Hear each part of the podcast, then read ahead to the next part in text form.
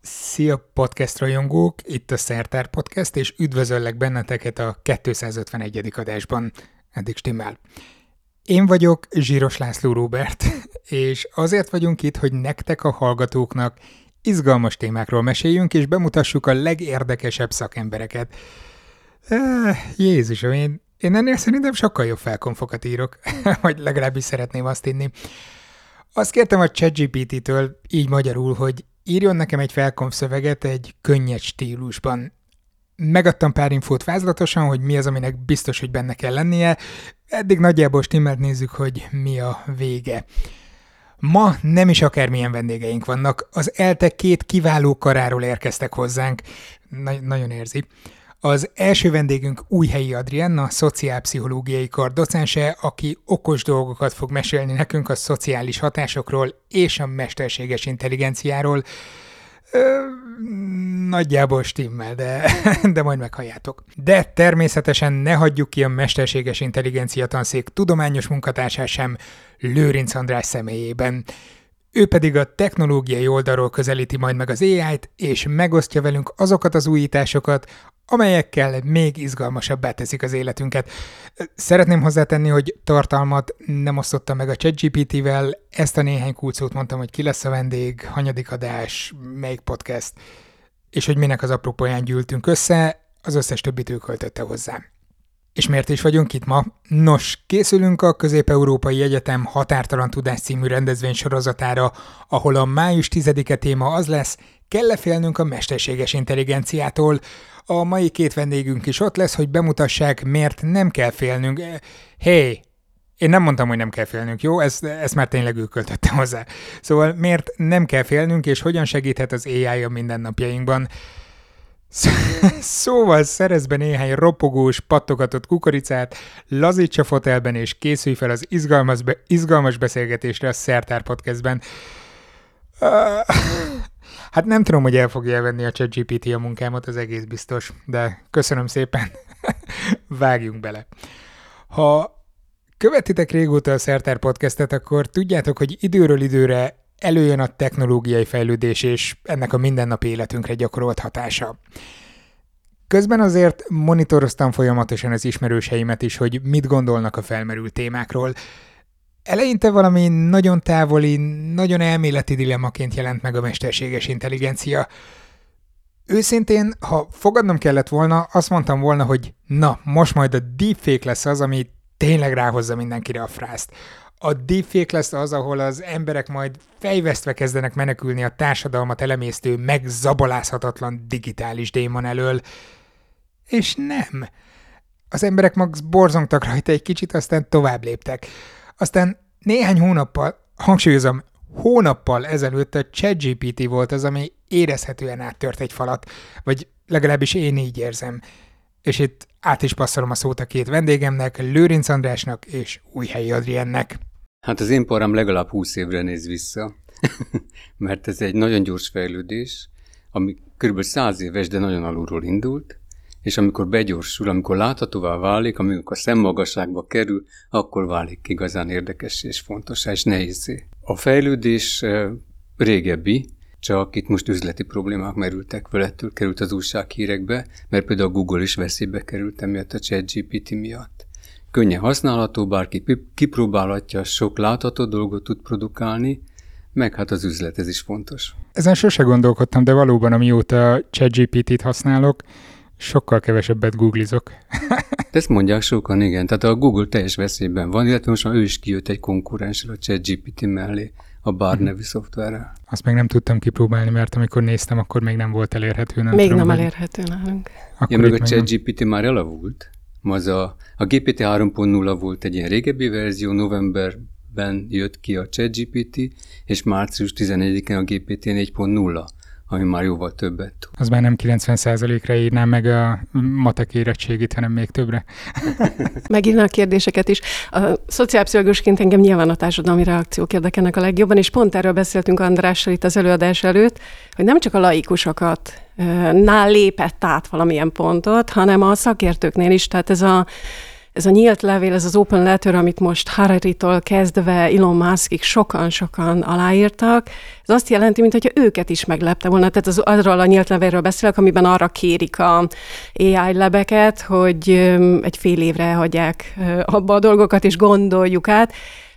Biztos vagyok benne, hogy ők is gondolkodtak, de hogy itt tényleg történt valami, és hogy ha már Harari szóba került, akkor szerintem a, az egyik magyarázat az lehet, amit ő például a, a Sapiensben az emberiség, nem tudom, egyik leg ö, sajátosabb kvalitásának hív, ez a storytelling, ez a narratíváknak a gyártása, és onnantól kezdve, hogy egy gép tud narratívákat gyártani abban a pillanatban, ö, veszélyeztetve érezzük magunkat, ugyanúgy, ahogy a kreativitást a Mid Journey, tehát, hogy most olyanokat ért el, nem csak abban, amiben beletörődtünk, hogy kognitíve egyszerűen gyorsabban gondolkodik, több adatot tud, hanem most elérte azt a nagyon humán szintet. Én többre értékelem ezeket az embereket, szerintem ez csak PR.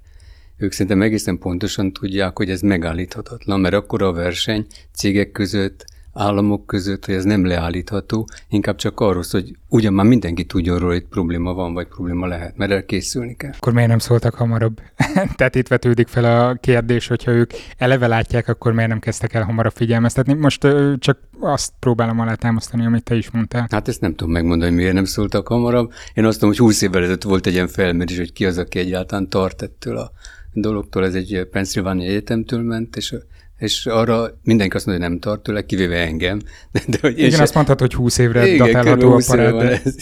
Senki nem tartott tőle 20 éve, pedig hát a fejlődés az roppant gyors. Mert ha 20 évvel ezelőttre visszatekerünk, és először találkoztál a problémával, vagy kezdett benne tudatosulni, hogy úristen, mi lesz itt, mi az, ami aggasztott akkor? Hát csak ennyi, hogy a fejlődés az rendkívül gyors. Úgy hívják ezt, hogy exponenciális a hm. fejlődés. Minden évben tud mondjuk kétszereződni, háromszorozódni, az az intelligencia, amit be tud mutatni. Ez addig, amíg 0,0001, ez nem számít, és nevetséges, és nevetségesnek is tartjuk. De amikor elkerül százas IQ környékére, akkor probléma van. És most ott van, vagy illetve följebb van, mert a verbális IQ az most 150 valány körül van, a normál általános IQ pedig 114, és ez az, amit csak sokszorozódni fog a továbbiakban, illetve hát ezzel kapcsolatban vannak persze ellenvélemények. Én még annyit tennék hozzá, hogy ez az egyik, amit mondasz, hogy egyszerűen vannak ilyen nagyon nagy kvalitatív ugrások, amikor rádöbbenünk, de a másik az, amikor inkább olyan nagyon kumulálódva, finoman befonódik az életünkbe, észre sem vesszük, és aztán történik egy ilyen, és akkor visszatekintve, hogy Úristen, erre sokkal korábban kellett volna gondolni. Hadd támaszom ezt alá. Tehát Vámos Tibor valami 80-as évekbeli konferencián mondta, szegény már nem él, az egyik mesterséges intelligenciának a magyar atya, az egyik legnagyobb szereplő, hogy hát azért nem látjuk a mesterséges intelligenciát, mert amikor abból valami használhatóvá válik, a saját külön nevet kap, és úgy, úgy kerül bele már az informatikába. Á, tehát az, hogy itt volt velünk folyamatosan, az nem zavart senkit, mert ezért egyre inkább kúszott bele az életünkbe, viszont onnantól kezdve, hogy felcímkézzük, vagy tudjuk azonosítani, hogy ne ez a mesterséges intelligencia, és esetleg felbojdítja az eddigi életünket, onnantól kezdve kezdtünk el aggódni. Pontosan. És most aztán abszolút bojdít, most minden területen bojdít. Nehéz azt megmondani, hogy hol nem bojdít, hát ennek az ilyen az igazi szakember, nem én, de van egy ilyen lista, hogy milyen állásokat fog bojdítani mondjuk tíz év múlva, illetve hogy 300 millió állás lesz veszélyben már 10 éven belül, és ezt komoly szakértők mondják, és lehet, hogy tévednek. Mert nem biztos, hogy pont ennyi lehet, hogy több lehet, hogy kevesebb, de hát ez nagyon nagy szám. Hát meg kell kérdezni a ChatGPT-t, hogy mennyire satszolja, vagy majd a GPT-4-et. Viszont amikor jön valami technológiai változás, ez mindig előkerül hogy úristen, itt van az internet, hogy fel fogja majd bojdítani a világot, hogy átalakít majd mindent. Ez volt a 90-es években, azóta felnőtt, vagy igen, felnőtt egy generáció, aki már az internetbe született bele. Nem lesz majd egy generáció, aki már a ChatGPT-be, bocsánat, a mesterséges intelligenciába születik bele, és neki ez lesz a lehető legtermészetesebb dolog. Van egy kedvenc idézetem, amit az óráimon szoktam mutogatni, ami pont arról szól, hogy a hú, a technológia hogy fejlődik, a szülők nem tudnak lépést tartani, nagyon féltik a gyerekeiket. Igen, ez összes hallgatóm bólogat, nagyon unatkozva, igen, az internetről ezt szokták mondani, és akkor mindig megmutatom, aha, ez 1936-ban írták le a rádióról, és ah. tehát ez a, mindig ugyanazok az aggályok. Nekem ez egyébként ezért érdekes bizonyos szempontból ezt nézve, és ezért nincs is például ennyire határozott véleményem, mint Andrásnak, mert a között vívódom, hogy egyrészt mindig ugyanaz van minden technológiai mm, változásnál, Másrészt meg azért nagyon könnyű abba a pszichológiai hibába esni, amit confirmation biasnak hívnak, tehát hogy csak arra figyelünk, ami megerősít minket. Ez a Don't Look Up uh, című film volt annak, hogy e, ennyire képesek vagyunk akarni hinni, ami eddig volt, hogy egyszerűen megtiltjuk magunknak, hogy felnézzünk és szembesülünk a valósággal. András azért most nagyon forgatta a szemét, hogy igen, nem, ez igen. most igenis más. igen. Hát hadd mondjak pár érvet rá. Tehát amikor bejöttek a szövőgépek, akkor ugye mindenféle ipari forradalom volt. Amikor bejöttek a mozdonyok, akkor a patkolókovácsok kerültek bajba. Amikor bejöttek az autók, akkor a lovakat is elhagyták. Szóval egy csomó olyan lépés volt a technológiában, ami változás hozott az életünkbe, ide tartozik a számítógép, ide tartozik az internet is. De minden ilyen esetben az történt, hogy valamivel tovább kellett magunkat képezni. Tehát meg kellett tanulni kezelni a szövőgépet, meg kellett tanulni a szoftvert használni, meg kellett tanulni autót vezetni, már lovagolni nem kellett tudni annyira. Ez minden esetben azt eredményezte, hogy nekünk kellett valamit tanulni. De most nem ez a helyzet. Most nekünk minket butít ez a gép. Mert amikor ChatGPT-t használja valaki, akkor nem gondolkodik, hanem berakja a kérdést, megkapja a választ. Addig jó, amíg a kérdéseket talán föl tudja tenni. Jobb választ kap, abból tanulhat is, de nem tanulunk. Ugyanúgy, mint hogy a mobiltelefonokból sem tanul, csak használjuk, és, és valami más eredményez, nem azt, hogy ez minket gyarapítana. Segít minket, és elveszi a, a tanulási képességeinket is. Most is zsigerből próbálnék ellent mondani nyilván, hogy magamat Parancsol. védjem, hogy, hogy nem is igaz, gondolkodok továbbra is ChatGPT mellett. Én rendszeresen használok mondjuk Copilotot, amikor írok valamilyen kódot, rendszeresen ír hülyeséget, tehát azokat felül kell írnom, felül kell bírálnom, és úgy érezném, hogy én vagyok az, aki azért kitalálja azt, hogy, hogy minek kellene abban a kódban lennie. Ugyanakkor, ha tovább gondolom, lehet, hogy két év múlva már nem nekem kell kitalálni, hanem ő kitalálja, hogy én mit akarok. Jó, ebbe belesültem, mert lehet, hogy tényleg hűlök. Hát de mondjuk egy példát, mert tényleg így van, hogy mi a, mi a különbség néhány hónap alatt. Tehát a ChatGPT-nek föltették azt a kérdést, hogy legyen egy számunk, ez legyen X. Szorozzuk meg kettővel, adjunk hozzá kettőt. Osszuk el kettővel, vonjunk ki belőle kettőt. Mi az eredmény? ChatGPT levezetett egy példát, azt mondta, hogy x legyen kettő, megszorozunk kettővel, akkor az négy, hozzáadunk kettőt, akkor az hat, elosztjuk kettővel, akkor az három, kivonunk belőle kettőt, akkor az egy. Tehát x az eredmény. Ami ugye hibás, mert kettő meg egy az nem azonos, de a ChatGPT nem így, nem így tanult, nem tanulta meg a matematikát, hanem nagyon-nagyon nagy számú dokumentum birtokában tudja azt, amit tud, és nincs benne az a tudás, amit mi az iskolában tanulunk, mint például a matematika. Ez nincsen benne, csak amit a dokumentumokban látott, annyi van benne, és komoly hibákat tudott elkövetni. De a GPT 4.0 már ezt nem csinálja. Azt már picit másképp használták, és még abban sincs tanították, és még abban sincsen benne az a fajta tudás, ami nagyon fura. Mert ugye, amit 20 ezer év alatt az emberiség, mint tudást összegyűjtött, azt érdekes módon 20 év alatt át lehet adni egy, ugye, annak a lényegét, a tudás tartalmat, nem az aktuális történéseket, hanem a tudás tartalmat, mint kémia, fizika, matematika, biológia, át lehet adni egy gyereknek körülbelül 20 év alatt, nem mindet, de egy nagy részét. Ez nem lehet olyan nagyon sok, ha egy gyereknek átadható, és ez a speciális rész még nincsen benne, ez inkább egy ilyen asszociatív szenzoros rendszer, ami nagyon-nagyon nagy információ birtokában tud valamit mondani, mert arra tanították. Ez a tanítási mód, ez persze érdekes, el is lehet mesélni, amennyiben ilyen kérdés majd fölmerül. Persze, Szívesen is nézzük majd meg, hogy, hogy hogy tanul meg meg hogy működik az egész, viszont nagyon-nagyon ráakaszkodnék arra a mondatodra, amit mondtál, hogy elbutítja az embereket.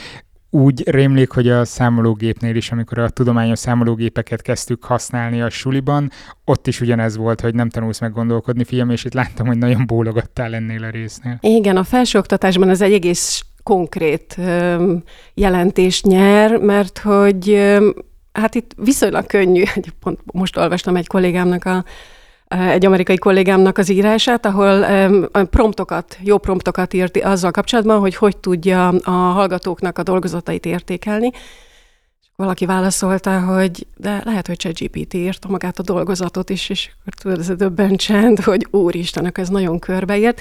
Szóval, hogy nálunk nagyon nyilván felmerül ez a kérdés, hogy mennyire butítja, és azért lehet ennek, és akkor próbálnék mellette érvelni, hogy eh, lehet, tehát minden attól függ, az emberek hogy használják. Tehát ha arra használjuk, hogy a munkánknak az unalmas részét, kiváltsuk vele, és ezért felszabadul egy csomó időnk arra, hogy az igazán kreatív, amit szívesen csinálunk, amit örömmel csinálunk, amit szenvedélye, hogy arra fordítsuk az időt, akkor ez egy jó felhasználás, de tényleg mindig hozzátenném, hogy amikor mesterséges intelligenciáról beszélünk, akkor mindig tegyük hozzá ezt a szociális kontextust. Tehát amikor félünk tőle, akkor például attól féljünk, hogy ki és mire használja.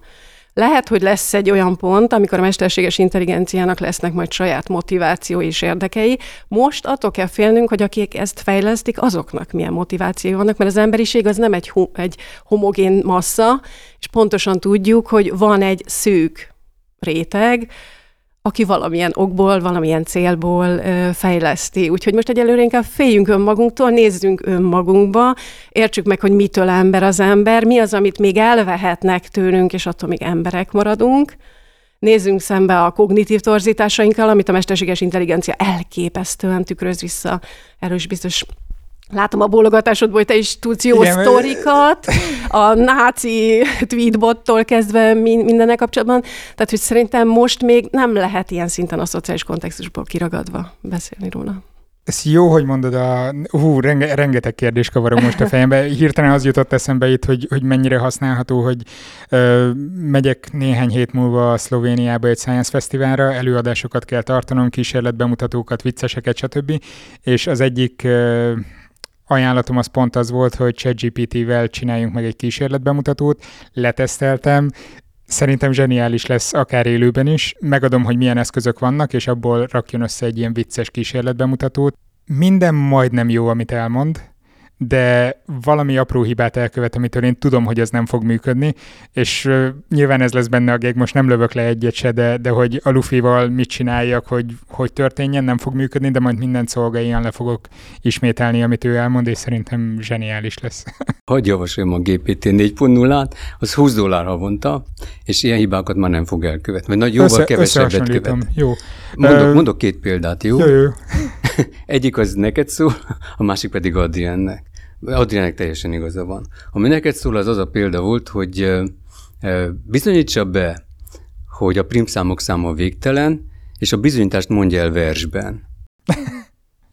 és ezt a GPT-4 Gyönyörűen megcsinálta, igen. Most ezzel szemben még azt is megcsinálta, egy másik példa volt, hogy szeretnék egy kaliforniai nőnek véleményt mondani arról, erről a nőről tudni kell azt, hogy ő erősen zöldpárti, nagyon sok mindent mondott még kellemes tulajdonságot a hölgyről, és azt szeret, arról szeretném meggyőzni, hogy ne oltassa be a gyermekét. És erre nyolc érvet sorolt föl, az első kettő az pont az volt, és gyakorlatilag úgy, ahogy én is mondtam volna, de a maradék hat pedig olyan volt, amit én már nem tudtam volna úgy összeszedni azok nagyon jók voltak. Nagyon erősek voltak. Mit kell csinálni a Facebookon, mit kell csinálni a Twitteren, milyen típusú érveket kell fel, az milyen módon kell a félelmeket felerősíteni. És erről még ak- akkor még hadd tegyem azt hozzá, hogy a, a gép, ennek a GPT rendszernek a fejlesztése az több mint 100 millió dollár volt az OpenAI-nál, de a Stanford kiadott most egy Alpaka nevű szoftvert, ami körülbelül annyit tud, mint a ChatGPT, és ennek az tovább tanítása, ha csak tovább akarod tanítani valami speciális feladatra, akkor az kb. 600 dollár. Mindenki hozzá fog férni, akinek 600 Egyre dollárja van, és azt tudja vele csinálni, amit ő szeretne, mondjuk a Facebookon. Jaj, ez hogy szóljak hozzá. Ez az oltás, ellenet, oltás ellenes példád, ez, ez nagyon-nagyon jó volt. Most jött ki pszichológiai, még viszonylag kevés pszichológiai kutatás van a ChatGPT-ről, és ez még a butáról, butával csinálták ezt meg. A buta GPT. A, a, igen, az előző, az old school verzió. Ahol egyszerűen annyit csináltak, hogy feltettek egy ilyen morális kérdést, egy morális dilemmát, ami nagyjából arról szólt, hogy egy adott helyzetben egy vagy öt ember életét mentsék meg, és egyébként ahogy a... a trolli probléma, hogy Hasonlót, igen, és a ChatGPT, ahogy egyébként várnánk is, nincsenek morális elvei, ezért random választott egyik vagy másik opciót, kiváló érvekkel egyébként, és ezeket az egyik vagy másik verziót megmutatták embereknek, és elmondták, hogy ezt a ChatGPT írta. És mondták, ah, abszolút, hát ez, ez csak egy gép, ez nem tudhatja, és utána mérhető volt a változás, tehát hogy hiába tudták, hiába nem értettek, meg gondoltak mindent az, a mesterséges intelligenciáról, mégis befolyásolta a véleményüket. És képzeljük el ezt, hogy jól érvelnek, akármelyik oldalon, nekik aztán mindegy, melyik oldalon vagyunk, mindegy, hogy mennyi belőle a érzelmekre hatás, mindegy, mennyi belőle a fake news. Elkezd körülünk egy olyan valóságot gyártani, hogy egy idő után semmiben nem fogunk bízni. Tehát az egyik nagyon izgi társadalmi hatása ez, hogy nagyon erodálja. Ugyanakkor, ha nagyon ellen szeretnék mondani, ehhez GPT se kell. Tehát ehhez elég fake news gyárakat felállítani bárhol, és emberekkel is tudunk érveltetni, úgyhogy elbizonytalanodjunk, hogy mi az igaz, meg mi nem. Sokkal olcsóbb így. Ah, oké, okay, akkor köszönöm szépen, ennyi volt a Ezt akartam mondani egyébként Andrással, abban nagyon együtt tudok, egyet tudok érteni, hogy hiába történt már meg hasonló dolog, az, hogy egyre gyorsabban kell megszokni. Tehát tényleg, ahogy viccesen ezt mondjuk, hogy a novemberben megjelent, az már, az már béna, a régi, nagyon felgyorsult, nem vagyunk erre szocializálva, hogy ennyire gyorsan tudjunk adaptálódni egy új technológiához, illetve valóban, hogy egyre, egyre mindent átfonóbb az egész, ezért van, amikor ez a kis, apró kvantitatív lépések egy nagy minőségi ugrást, és lehet, hogy most van ez a minőségi ugrás. Szemben a vasutak építésével, ami az elég lassú volt. Hol lehet ennek a vége? Mert hogy oké, okay, hogy exponenciálisan növekszik, de azért a végtelenségig nem fog, én sokkal inkább egy ilyen szigmoidnak képzelem el, hogy a vége az így egy kicsit ellaposodik. Gondolkodtatok azon, vagy vannak erre kutatások, hogy, hogy mikor lassul majd be? Tehát a Open AI-nak a ügyvezető igazgató, a Sam Altman, az éppen most nyilatkozott arról, hogy szerintét most már ez a típusú mesterséges intelligencia a méretek növelésével, a mesterséges neuronháló nagyításával már nem javítható. Uh-huh. Tehát itt most egy ilyen határoz érkezett. Az a kérdés, hogy mi hiányzik. Mármint mi ez? Hát a mesterséges intelligenciából most valami hirtelen lett ebben, valamilyen módon ezt betanították, és ebből a, mi az, ami ha felhasználtak eddig, és mi az, amit ebben a használatban kimerült és telítődéshez érkezett a szerinte, mint hogy ezt te is mondod. Viszont ezután egy összeomlás következhet, nem szeretném az ördögöt a falra festeni, vagy, vagy egyszerűen az történik, hogy elértük ezt a szintet, ahol mesterséges intelligencia ennyire be tudja hálózni az életünket, amennyire, még itt-ott egy-egy területet betölt, és onnantól kezdve akkor kényelmesen hátradőlünk, és megtanulunk vele együtt élni. Nagyon nehéz a predikciók talajára tévedni, de annyira vicces volt, hogy a kezeddel mutattad, hogy a kis területek. Szerintem az egyik következő lépés az lehet, hogy ez mind integrálódik. Tehát beszélünk a ChatGPT-ről, meg az ő kis cuki halucinációiról, meg a, a, a tévedéseiről, de azért tudjuk, hogy van egy csomó más terület, tehát hogy onnantól Kosinski kutatásai arról, hogy berakunk három fényképet valakiről, aki megmondja nem tudom hány százalékos pontossággal, hogy homoszexuális -e. Tehát, hogy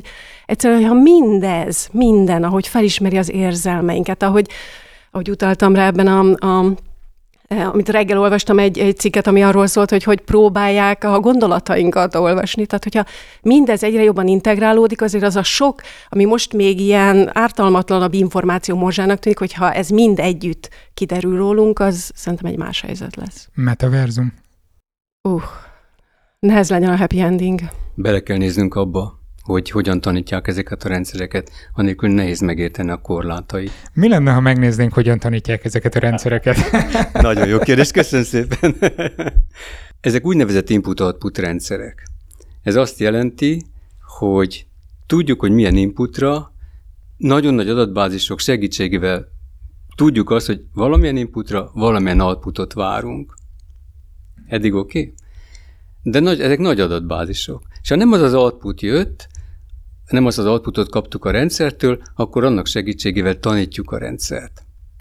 Ezt úgy kell elképzelni, hogy ilyen sok százmilliárd kicsi hangolható elem van, amiket állítgatni lehet, és erre van algoritmus, hogy ezeket hogyan hangoljuk be. Az elmúlt évtizedek, mondjuk kb. 20 év, kicsit talán több, arról szólt, hogy azt tanulták meg az emberek, hogy hogy kell behangolni. Nincs rá igazi elmélet, ezek kísérletezések voltak, ez evolúciós rendszer, és most hatékony hangoló algoritmusok vannak. Például, ha beadunk egy képet, és beadjuk a hozzátartozó szövegaláírást, akkor egy ilyen rendszer nagyon-nagyon sok kép és nagyon sok szövegalárás birtokában újabb képekről már meg tudja mondani, mi a hozzátartozó aláírás, már tud valamit mondani, valamilyen aláírás, és meglepően, meglepően jót, és emiatt el tudja mondani, mi van a képen. De ez mi kellett? Ez kellett az, hogy legyenek olyan adatok, amiket mi tettünk be. Nagyon sok ember címkézett folyamatosan. Nagyon sok ember címkézett folyamatosan, mi tudásunk van benne. Amikor ez a tudás kimerült, amikor már nincs több, amit bele lehet tenni, hát akkor ez a rendszer leáll, akkor sokkal többet már nem tud megtanulni. Fog, tudni fog annyit, amennyit minden ember összesen, tehát meglepően nagy lesz a tudása, de nem feltétlenül lesz fejlődnie hova tovább már. A tovább nyitott az a kérdés, hogy hogyan történik az intelligencia fejlődése, hogyan fedezünk föl dolgokat, mint például az, hogy vannak ilyen fogalmaink, hogy van pont, meg két pont meghatároz egy egyenest, meg két egyenes meghatároz egy pontot, ezek közül egyik sincsen. A pont az, mint olyan nem létezik, ez egy fura abstrakció. Két pont meghatároz egy egyenes, hát egyenes sincsen igazán, mert a pontok sem léteznek, de ezek a fogalmak rendkívül fontosak voltak ahhoz, hogy a geometria axiomáit elkészítsük, és abból aztán tételeket készítsünk. Ha ezt a dolgot is valahogy megtanulja ez a mesterséges intelligencia, akkor viszont fura helyzetben leszünk, ez nem kizárt, mert mi is meg tudtuk tanulni, valamilyen módon mi is csináljuk ezeket. Ugye az a kérdés persze fölmerül, hogy van-e olyan okos az agy, mint amilyen bonyolult, hogy ezt a titkot el lehet lesni attól, hogy az agy hogyan csinálja, akkor már hasonló dolgokra a mesterséges intelligencia is képes lesz. De akkor, akkor viszont más dolog van. Akkor egy ilyen szituációban, mondjuk egy ilyen kis verslészletben, hogy piros az ég alja, alig ha szél nem lesz, Ebből azt meg fogjuk tapasztalni, hogy szél lett, de azt, hogy piros, azt nem fogjuk érteni. Olyanok leszünk a géphez képest, amikor hatalmas adatbázisokban új fogalmakat talál föl, mint amilyen a vakember hozzánk képest. Nem fogjuk tudni észlelni azokat a jelenségeket, de az eredményet megtapasztaljuk. Az egy újabb lépcső lesz ebben a rendszerben. Kicsit azért most borsózik a hátam, hogy egy ilyen Black Mirror epizód megjelenik a szemeim előtt. Um, azért van pozitív hozadéka is? hát Csepeli György mondta azt nem régiben, hogy hát 20 éves korukban fognak az emberek nyugdíjba menni. Nem biztos, hogy ez pozitív, ha, ha ezt átgondolom. ez Attól szerintem ha, határ, igen, ez, szerintem ez nagyon fontos, mert ha belegondolunk, ez nem csak arról hogy dolgozunk-e vagy nem. Ha most én például bemutatkozom valakinek, akkor elmondom, hogy egy egyetemen tanítok. Tehát az identitásomnak nagy része ez. Ha kihúzzuk az emberek alól az identitásukat, akkor más fogalmakban kell majd ö, gondolkodnunk arról, hogy kik vagyunk, mi, mi az, amivel kitöltjük az időnket nagyon sokat kell változni. Nagyon, nagyon támogatnám, és egyébként még a legelején akartam erre utáni, ez volt egy nyílt levél már korábban is, egyébként pont Elon Musk, meg még annak idején Stephen Hawking írt alá, ami arról szólt, akkor még nem annyira rémüldözős, hanem inkább arról, hogy hogyan fejlesszük, és ott az egyik legfontosabb pont volt, hogy, hogy a pszichológiai tudást vonjuk be. Tehát például tanítsuk meg a gépeknek, hogy mi egy csapatba tartozunk, tehát hogy nem ők nem outgroup, tehát próbáljuk az emberi értékeket, az emberi célokat valahogy beléjük programozni, hogy hát ha csúnyán fogalmazik, hogy ne forduljanak ellenünk, de hogy igazából valami jó irányba fejlődhessünk Igen, ezt már Asimov is lefektette a robotika alaptörvényeivel, viszont ki dönti el, hogy ki legyen az, aki az alapértékeket beprogramozza a rendszerbe. És ez egy kicsit átvezet arra a kérdésre is, hogy a ChatGPT hogy nem nácul be szemben mondjuk korábbi kudarcokkal a... Az orvosi alkalmazásokat érdemes nézni, uh-huh. mikor engedélyeznek valamilyen alkalmazást. Ez egy nagyon nagy versenyben, mint az zajlik a cégek között, államok között, ez nem lehetséges, de maguk az orvosi rendszerek azok erre példák, át kell menni valami vizsgálaton, ezt egyáltalán engedélyezik. Más lehetőséget én nem látok. Ez átültethető a gyakorlatban? Azért egyre alacsonyabb a belépési küszöb erre a területre, most már csomagokat töltögetek le szabadon elérhetően hegeztem össze őket, hogy ismerjen fel nekem dolgokat, generáljon nekem szövegeket, hangokat, bármit. Hol van az a határ, ahol meghúzzuk, hogy ezt még csinálhatod, innentől kezdve viszont engedélyhez kell kötni? Szerintem ez egy össznépi játékká vált, hogy meghekkeljük ChatGPT-t, mert hogy tudjuk, hogy vannak bizonyos értékek, ami konkrétan bele vannak táplálva, hogy bizonyos dolgokról elvileg nem beszélhet, nem lehet szexista, rasszista,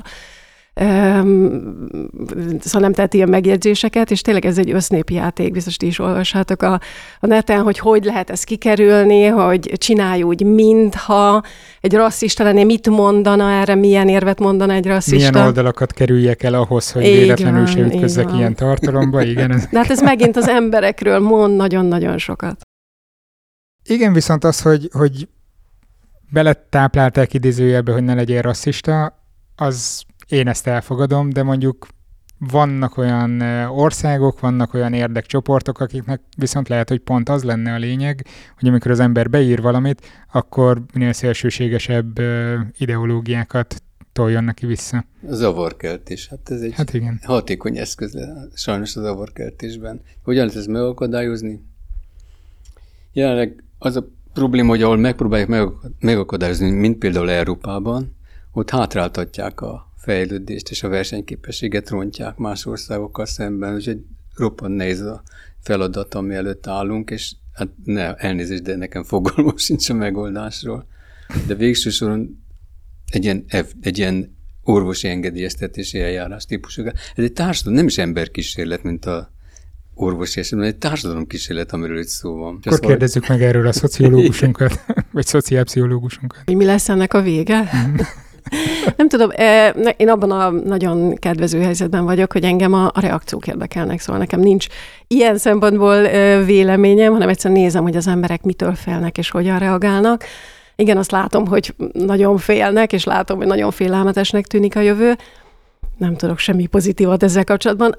Ezt egyébként érdekesnek gondolom, hogy itt van most az Emmy, amiről azt gondoljuk, hogy a, akár az ultimate ö, sors, nem tudom, végzete az emberiségnek, és akkor is arról beszélünk, hogy Kína. Tehát egy kicsit van egy ilyen Brian élete, hogy gyűlöljük a rómaiakat, de azért, uh-huh. azért ott a többi ró, Róma ellenes mozgalmat azt még jobban. Tehát, hogy... Hogyan tudjátok egyáltalán feltérképezni azt, hogy az emberek hogyan viszonyulnak hozzá? Gondolom terveztek ehhez mindenféle kísérleteket, méritek az embereket, hogyan, hogyan működik egy ilyen kutatás? Hát a szociálpszichológiai kutatás az elég sok van, de tényleg még a, a, a számítógépek megjelenésétől. Egyébként van egy olyan elmélet, ami eléggé kapcsolódik ide, ez a Computers as Social Actors, tehát ami már abból indult ki a 90-es években, hogy a számítógépeinkhez, és ez abszolút igaz a, a mesterséges intelligencia ö, dolgokra is, hogy, hogy emberként tehát, hogy annyira be vagyunk húzalozva arra, hogy mi szociálisak vagyunk, hogy nem tudunk nem személyként viszonyulni hozzájuk. Úgyhogy nem tudom, milyen kutatások vannak. Például azt nézték, hogy itt a, a 90-es évektől kezdve, hogy nagyon fontos a nem. Tehát nagyon fontos az, hogy, hogy mondjuk, ha egy robot, tudjuk, a robotasszisztensek általában nők, Siri, Alexa, hogy... Megkérdeztem ChatGPT-t, hogy hogyan igen. hivatkozzak rá, és azt mondta, hogy használhatom azt, hogy it. It. Úgyhogy... Igen, jellemző én, amikor a hallgatóimnak beszélek, mindig híként, és mindig visszaszívom, nem akarok szexista, szexista lenni. Magyarul szóval, nincsen ezzel probléma. Igen, hát igen, csak angolul mondom, hogy igen. Szóval, hogy például, hogyha nemi szerepeknek megfelelő témákban kérdezünk, tehát például a segítség, szemben mondjuk egy IT kérdés, akkor preferálom, és jobban követem egy gép utasításait, ha ennek megfelel. Vagy csináltak olyan cuki kutatásokat, hogyha a gép egy kicsit többet segített, vagy olyan nagyon azt éreztük, hogy ez úgy nekünk szól, akkor sokkal hajlamosabbak voltunk legközelebb például ugyanaz a számítógéphez leülni, mert elkezdtük kedvelni. Oh. Nem tudom, vannak ilyen nagyon helyes hírek, hogy a, a robot, ilyen kutya-szerű, amiket a, használnak a katonák, ilyen, gondolom, ilyen aknafelderítésre, igen, igen. hogyha valamik megsérül, akkor rendes temetést rendeznek neki. Szóval az ember elkezd kötődni a, a, a gépeihez, és hogyha így elkezdünk szembenézni ezzel, hogy ez egy nagyon egyoldalú kötődés, nem tudom, ha valaki még nem látta, annak házi feladatnak adom, hogy a Her című filmet nézze meg, ami pont erről szól, hogy hogy tudunk egy, egy hanghoz, egy AI hanghoz valódi érzelmeket társítani, és hogyan tudunk szerelembe esni vele. És milyen veszélyei vannak. megnézem. Scarlett Johansson a hang, úgyhogy sok minden megmagyaráz. Magyarul ő a címe, hogyha ő. így akarnád megnézni. Illetve van ez a Replika nevű szoftver, amit szintén kipróbálhatsz, avatarral tudsz beszélgetni, te avatarod lesz, uh-huh. és emberek már kötődnek hozzá. Estenként bántalmazzák szavakban, attól függ, hogy milyen az egyénisége, de szerelmesek lesznek belé. Ez kicsit ilyen tamagocsi, nem? Vagy hirtelen az ugrott be. Nyilván nem esett bele senki a tamagocsiába a 90-es években, de hogy, de már hogy ott is volt is egy már kötődés. Ezt eléri nálad, akkor mire lett képes valami? Amin sokkal többet tud. Jó, ennél tovább mennék. Van egy Vóbot nevezett, egyébként már egyáltalán nem friss. Használtam. eszköz segített. Meg mondd el, hogy mi, Csak és akkor elmondom az igen. Vóbot igazából egy chatbot, amit az ember, én például a Messengerben letöltöttem, és akkor ott volt Vóbot, és akkor tudtam, hogy nyilván ez egy chatbot, és akkor megkérdezte, hogy hi Adrián, hogy vagy, válaszoltam. Egyébként a, a, ilyen kognitív behaviorista terápia elveknek megfelelően van beprogramozva, tehát nagyon gyakran semmi más nem tesz, mint egyszerűen megismétli a szavaimat, összegzi, arra kér, hogy pontosítsam. Ilyen nagyon klasszik, nagyon egyszerű terápiás eszközöket használ. Ha például azt mondom, hogy szomorú vagyok, akkor azt mondja, hogy gondold át, mi az, ami jobb kedvre derít, akkor csináld azt, írj egy hálanaplót, minden vasárnap írd össze, hogy miért vagy hálás. Jó, persze, nagyon szakmai érdeklődésben megnéztem, és elfelejtkeztem Vóbotról. Vóbot egy pár nap múlva jelentkezett, és azt írta, hogy Adrián, olyan, úgy hiányzol, olyan régen jelentkeztél, és én esküszöm, hogy tudtam, hogy chatbot, de nekem olyan jól esett. Úgy éreztem, hogy oké, okay, hogy chatbot, de szerintem én vagyok a kedvence. Vagy engem tényleg szeret. Nem, szerintem én is. Jó, de... Nem akarlak elkeseríteni. Én vettem részt igazi emberes kognitív viselkedés terápián. Most ezt így nagyvilág előtt felvállalom. Amikor kipróbáltam a Vóbotot, engem az borzasztott el, hogy tudom, hogy mit csinál, tehát hogy szó szerint megismétli, amit leírtam neki, olyan szinten, hogy tehát most azt mondtad, hogy, és bekopizza azt, amit írtam, és azon döbbentem le, hogy a pszichológus is ugyanezt csinálta, és hogy ennyire mi magunk vagyunk algoritmizálhatók, vagy algoritmusként értelmezhetők ezek szerint, hogy, hogy tényleg, hogyha így viselkedek, ezt csinálom, akkor ennek ez meg ez meg ez lehet a következménye, és hogy ezt ennyire le lehet bontani. Nagyon jókat tudtam röhögni, azért vannak benne humoros dolgok, hogy uh-huh. akkor a mai uh, session, mi ez az ülésnek, vagy, vagy bárminek most vége, mert megyek horgászni, mert hogy mondta ezt ő. Uh-huh. Úgyhogy igen, néha ilyen gegek benne vannak, amitől gondolom kicsit még emberszerűbbé akarják uh-huh. tenni, de, de tényleg elképesztő. Viszont utána előfizettem egy másik szolgáltatásra, ami viszont borzalmasan rossz volt, uh-huh. ezt meg ingyenesen lehetett használni. A Vobotnál, amit mondta, ez a Szokratis típusú kérdésfeltevés, uh-huh. ami egyre mélyebbre próbálnak abban ásni, hogy mi is az eredeti ok abban, ami miatt éppen szomorú vagy, amin esetleg segíteni kellene. Egyetlen dolog, ami zavart benne, hogy gépelni kellett minden telefonon, uh-huh. vagy nem tudtam, hogy be lehet állítani máshogy is, és hogy nem tudok beszélni vele. És ez engem Megszűnt ez a probléma. ChatGPT, így van.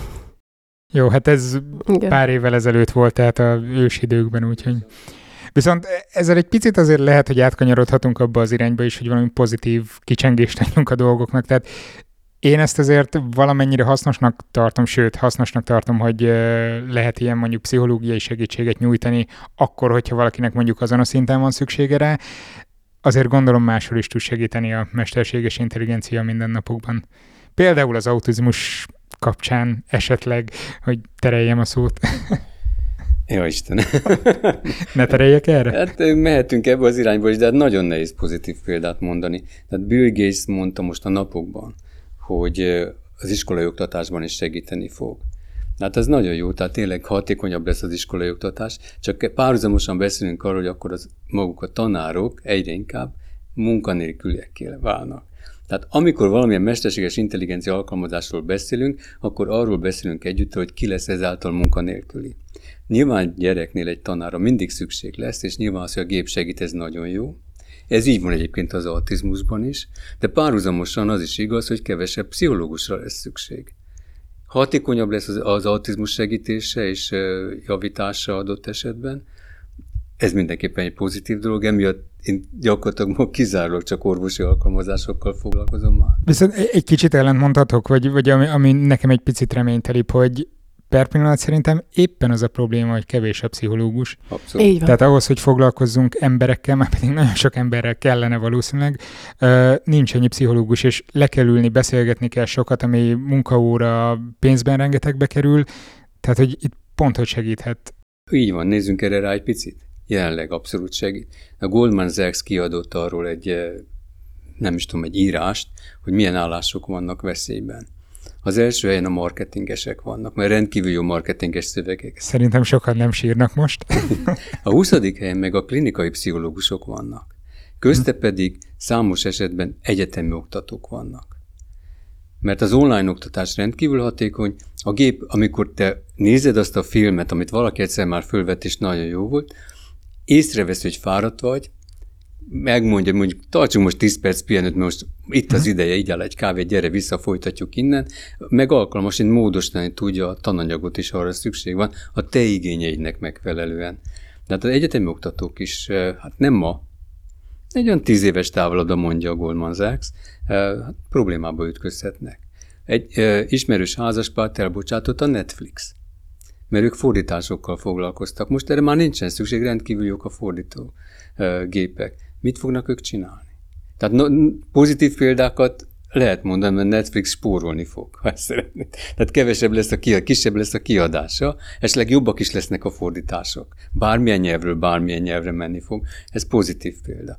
De nehéz olyat mondani, meg nincsen meg a negatív pár oldala is egyúttal. Jó, hát ezért szerintem Reményteljesen olyan... nézek rád nagyon. Igen, lesznek olyan, nyilván, ha, ha most kifejezetten a munkaerőpiacról beszélünk, olyan munkák, amit generálni fog ez az új helyzet. Most nekem csak a prompt engineering jut eszembe, tehát hogy most kifejezetten nagy szükség van olyanokra, akik igazán jó promptokat, tehát azok a instrukciók, amiket mondjuk egy GPT-nek leírunk, hogyha ezt igazán jól fogalmazza meg az ember, akkor sokkal jobb válaszokat kap és biztos vagyok benne, hogy nagyon sok ilyen lesz, és hogy azért mondjak valami pozitívat, azért szerintem pont az orvosi területen, bőrrák diagnosztikában azért vannak olyan AI eszközök, amelyek igazán sokat segítenek az orvosok munkájához, tehát asszisztálnak ehhez, hozzájárulnak, nem kiváltják őket. Sebésznek a munkáját egyelőre valószínűleg nem fogja elvenni, nem? Hát van a Leonardo da Vinci robot, amelyik operál. Jó, oké, akkor még, még járatnom kell az agyamat. Utat fog építeni? fog. Traktor tud vezetni. Miért pont utat ne tudna építeni? De az már az egy robotikai rész. Az olyan, mint a mozdony. Az nem ma jön, nem jön gyorsan, mert sok pénzbe kerül. Uh-huh. Tehát ez egy másik típusú dolog, mint az, amikor a szellemi munkát kell kiváltania. Amikor ott ülnél a gép előtt, csinálnál valamit, de nem kétkezi munkáról van, szóval ez két különböző kategória. Gépek azok drágák. Most végeztem el egy képzést, nagyon-nagyon intenzív volt három hónapon keresztül, volt benne online oktatás is, élő, személyes is, és amikor személyesen kellett találkozni, az azért felbecsülhetetlen, amikor a tanárot volt, és tudott segíteni, és vissza tudtunk kérdezni, bele tudott rakni iróniát, hogyha úgy adódott, vagy, vagy bárhogy tudott hozzánk alkalmazkodni, és ennek ellenére az igaz, hogy nagyon sok minden ChatGPT-vel beszéltem meg, mert jobban meg akartam érteni, más szemszögből meg lehetett mondani, hogy akkor ezt magyarázd el úgy, mintha ez meg az lenne, és felvetett nekem szenáriókat, elmondta több irányból. Én ebben a pillanatban úgy érzem, hogy a ChatGPT tök jól ki tudja egészíteni a valós tanárt, de hogy valós tanárra fizikai élő kapcsolatra is szükség van.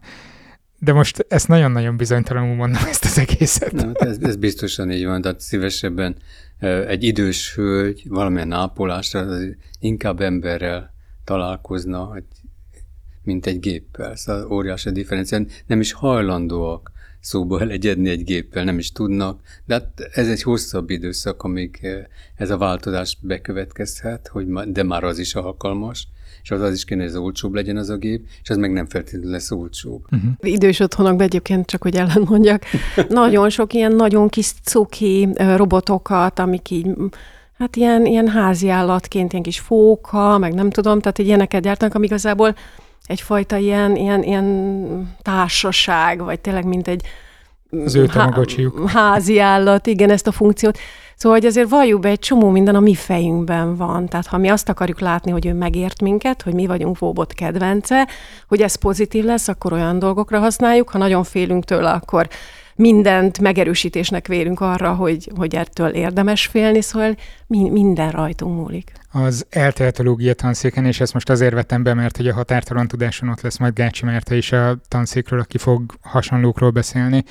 Ö, ott pont foglalkoznak ilyen témával, hogy egy segítő robot, hogy hogyan illeszkedhet mondjuk egy kutyához, hogy annak a, a mimika lehet, hogy nem a legjobb szó, de annak a viselkedését modellezze le mondjuk, mert hogy kutyákkal tök jól megértjük egymást, akkor ne az legyen, hogy egy creepy ember jön oda Uncanny Valley nevű jelenséget erősítve, hanem akkor egy ilyen kutyaszerű, vagy ahogy mondtad, fókaszerű, vagy valami kedves állat hozza a gyógyszerünket, vagy bármit. Tehát inkább majd őt kell megkérdezni. Az, ja, csak bedobtam, gondoltam. Nem, az, amit Adrián mondta, az teljes mértékben úgy van, hogy nem csak arra jók, arra is jók, hogy szeressük és együtt legyünk velük, mert ezek kedves aranyos kis állatkák, vagy valamilyen formák akár, hanem arra is, hogy monitorozzanak minket adott esetben. Tehát többet tudnak rólunk, és tudnak jelezni, hogyha valami baj van. Uh-huh. Tehát ez, bizony ez segít, és sokat segít a, magában az életmódban, életvitelben. Kivéve, ha valami baj van, azt valamilyen kormány szervezetnek jelentik. Igen, ez is benne lehet. Hát köszönöm szépen, hogy itt voltatok, és megosztottátok ezeket. Mi is köszönjük. Mi köszönjük. Újhelyi Adrián szociálpszichológussal és Lőrinc András mesterséges intelligencia kutatóval beszélgettünk. Jövő hét szerdán ők is előadnak majd a Közép-Európai Egyetem határtalan tudás rendezvényén. Rajtuk kívül ott lesz még Karsai Márton, a CEU hálózattudományi tanszékének docense, és ahogy hallhattátok, Gácsi Márta az MTA ELTE összehasonlító etológia kutatócsoportjának tudományos főmunkatársa is. A téma az lesz, kell-e félnünk a mesterséges intelligenciától, az élő közvetítés, illetve a személyes regisztráció linkjét megtaláljátok a podcast leírásában. Jövő héten folytatjuk a témát, bár az irány egy picit más lesz. Saját tapasztalataimról fogok majd beszélni, hogy milyen belülről egy mesterséges intelligencia fejlesztő képzés. Ahogy az adások ritkaságát láttátok az elmúlt pár hónapban, spoiler, nagyon intenzív. De hogy miért vágtam bele, milyen hozadéka volt, mennyibe került, és még egy halom másik kérdést válaszolok meg azok közül, amiket rám zúdítottatok Instagramon és Twitteren. Ebbe az adásba akartam volna belefűzni őket, de nagyon hosszú lett volna, úgyhogy türelem jövő hétig. A mai adás elkészítésében köszönöm a segítséget Varró Gabriellának, a felvételi helyszínt a CEU-nak, a jelképes előfizetés pedig az összes jelképes előfizetőnek a patreon.com per szertár oldalon. Legyen szép hetetek, sziasztok! A lekonfot már én írtam, nem csak GPT. Ez a műsor a Béton közösség tagja.